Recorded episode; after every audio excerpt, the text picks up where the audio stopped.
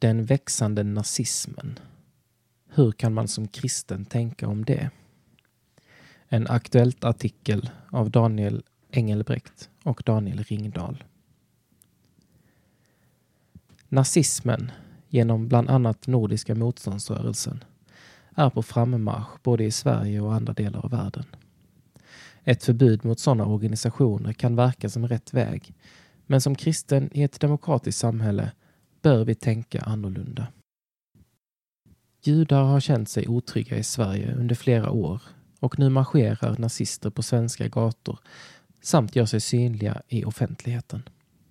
Partiet som representerar nazisterna, Nordiska motståndsrörelsen, NMR, var närvarande på politikerveckan i Almedalen och kommer att ställa upp i valet 2018. Utvecklingen är inte isolerat i Sverige utan följer ett europeiskt mönster. Ingen nyhet. Sett ur Bibelns perspektiv är nazism och antisemitism ingen nyhet utan världens äldsta konflikt. Efter syndafallet vände sig Gud till ormen och sa Jag ska sätta fiendeskap mellan dig och kvinnan och mellan din avkomma och hennes avkomma. Första Mosebok 3.15. Vilket syftar på Jesus. Djävulen vill inte bara dra med sig människan i sitt fall utan också på alla tänkbara sätt hindra Guds frälsningsplan. Nazism är lika med hata Gud. Guds räddningsplan börjar med att Gud skapar ett folk genom Abraham som kommer ur Sems släkt. Därav uttrycket antisemitism. Gud verkar genom det judiska folket och tar till slut mänsklig gestalt i juden Jesus Kristus. Att hata detta folk är därför att hata Gud och Guds plan att rädda mänskligheten. Genom sin betoning på våld och styrka är nazismen dessutom motsatsen till den lidande Kristus som förkunnar att styrkan fullkomnas i svaghet. Den nazistiska ideologin är alltså direkt antikristlig. Även efter det att Gud har besegrat det onda genom Jesus död och uppståndelse kvarstår hatet mot judarna.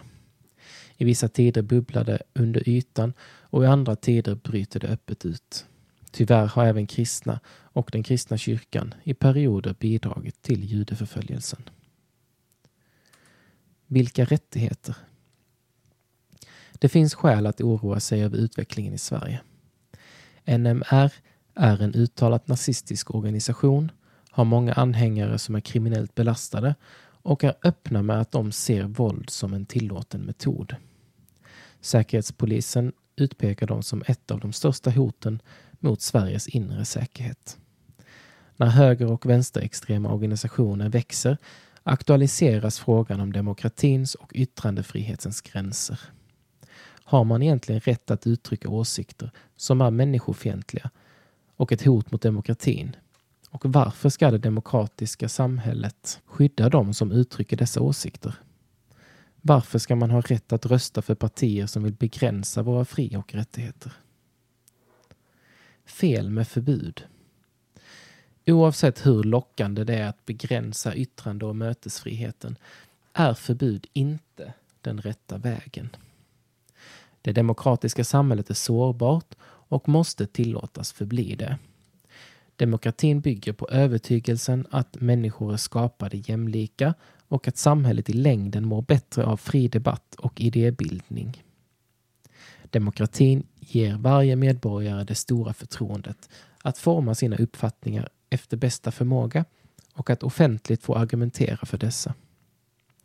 Denna frihet måste bevaras även när den hotas av nazism och andra människofientliga idéer.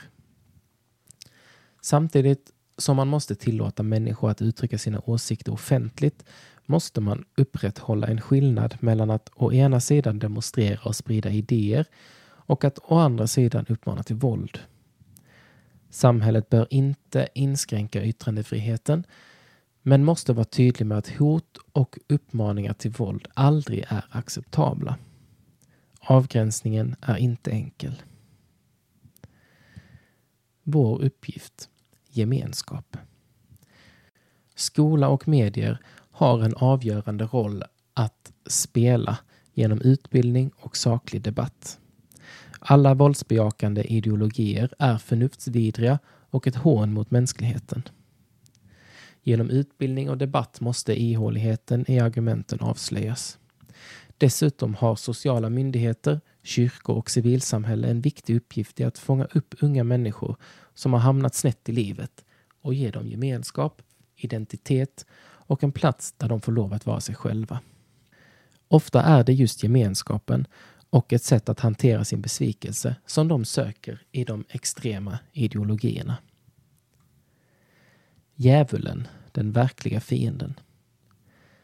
Särskilt i de perioder då samhällsekonomin dalar, arbetslösheten stiger och människor hamnar i utanförskap finns en ökad risk för att extrema ideologier slår rot hos människor.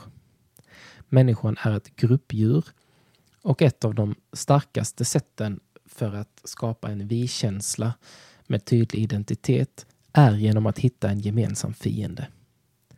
Då måste kyrkan visa att våra fiender inte är andra människor utan djävulen och att våld och hat aldrig kommer att lösa några problem. Vi får bemöta varje människa med Guds kärlek, be för rätts och utbildningsväsende om hjälp i deras viktiga arbete och inte glömma bort att Gud är den som ytterst har kontrollen. Var inte rädd, för jag är med dig. Se dig inte ängsligt om, för jag är din Gud.